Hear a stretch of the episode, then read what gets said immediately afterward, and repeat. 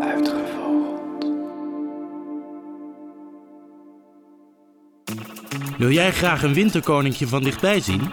Via mijn vogelvinder kom je erachter in welk gebied zij en vele andere vogels graag te vinden zijn. En onderweg luister je naar Uitgevogeld, een podcast waarin ik op zoek ga naar zowel de etymologische als de fabelachtige waarheid achter een vogelnaam. Van slechte valken tot huiselijke mussen.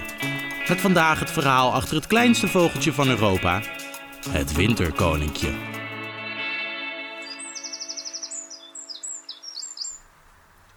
Dat hij het kleinste vogeltje van Europa is, dat zal ik meteen maar weer ontkrachten.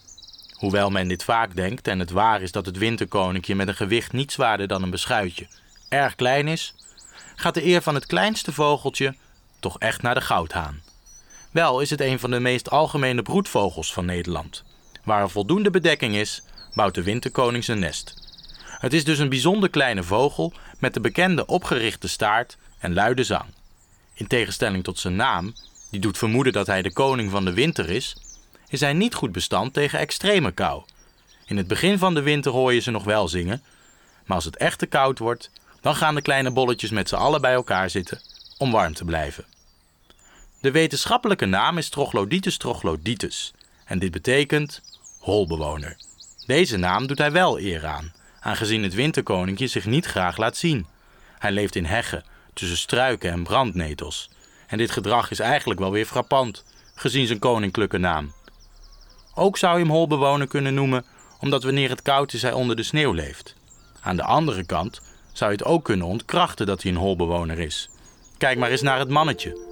Deze gaat ochtends vroeg al uit de veren om eerst te zingen voor een potentieel vrouwtje en zijn territorium af te bakenen. En daarna begint hij aan de bouw van zijn nest. En de winterkoning bouwt er niet één, maar soms wel tien nesten om zijn vrouwtje te veroveren. Hij neemt haar dan mee als een soort makelaar langs al die nesten en zij mag de beste kiezen om haar eieren in te leggen. Aangezien het hier om een hele kleine vogel gaat, staat hij in verschillende dialecten bekend met namen als duimpje, duimeling en klein Jantje.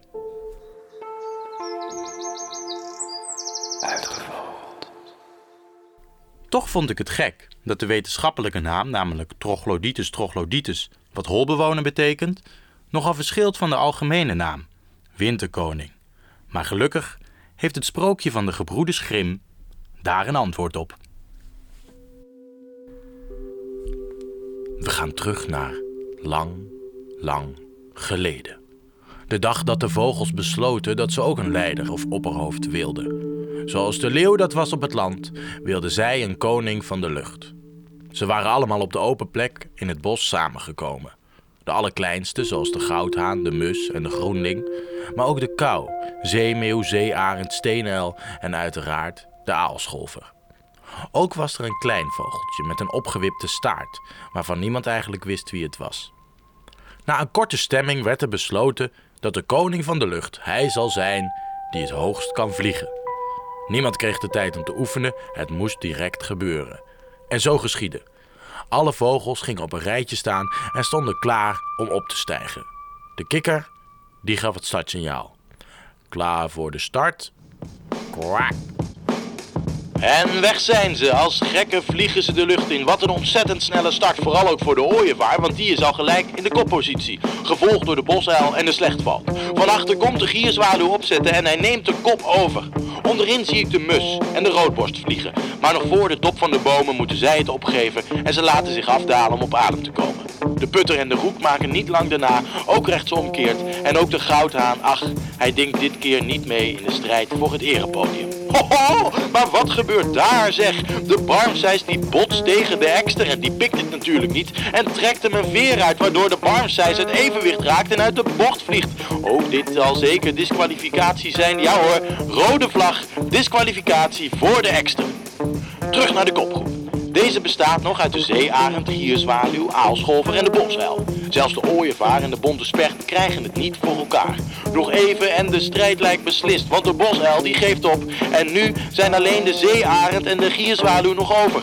Vleugel aan vleugel, Heel erg hoog zijn ze nu. En de zeearend die krijgt een vliegje in zijn oog, maar hij laat zich natuurlijk niet uit de lucht slaan. Het lijkt steeds zwaarder te gaan, voor beide. En beneden werd de inmiddels bijgekomen roodborst met de putter om meelwormen. Boven lijkt de gierzwaluw het op te moeten geven. En ja hoor, ja, de gierzwaluw, die is op. En hij draait zich om en zo snelt de zeearend naar het hoogste punt van alle vogels. De overwinning, de kroon. En als hij ziet dat de gierzwaluw echt heeft afgehaakt, vliegt hij nog één laatste slag voor de eer. En dan vindt hij het genoeg. Hij draait zich langzaam om, klaar om af te dalen. En ja, zijn kroon in... Oh, wat gebeurt daar zeg? Er komt ineens uit de nek van de zeearend een heel, heel klein... Ja, het is een vogel. Er komt een vogel uit de nek van de zeearend gesprongen. En die springt omhoog. En hij vliegt nog net één meter hoger dan de zeearend. En dan zegt hij, ik ben de koning. Ik heb gewonnen. Hij laat zich afdalen. Ho, ho, ho, wat een spektakel.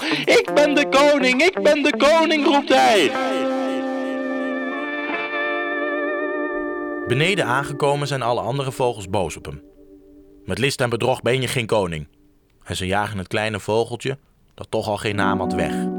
Diep de bossen in. De volgende dag, nadat de zeearend een nachtje had geslapen en over het hele gebeuren had nagedacht, gaat hij op zoek naar het vogeltje. Hij roept, maar hij kan hem niet vinden. Omdat het vogeltje bang is geworden, heeft het zich verstopt. Uiteindelijk vindt de zeearend hem ergens tussen een bosje met brandnetels. En hij zegt: Ik heb nagedacht. Ik denk dat we het koningschap kunnen delen. Dan mag jij de koning van de winter zijn en noem ik je Winterkoning. Genoeg uitgevogeld voor vandaag. Muzikant Jeroen van den Ham en ik, Quincy van Driesten, wensen je heel veel plezier met het herkennen van vogels. En er zijn er nog veel meer, dus ga op avontuur met mijn vogelvinder.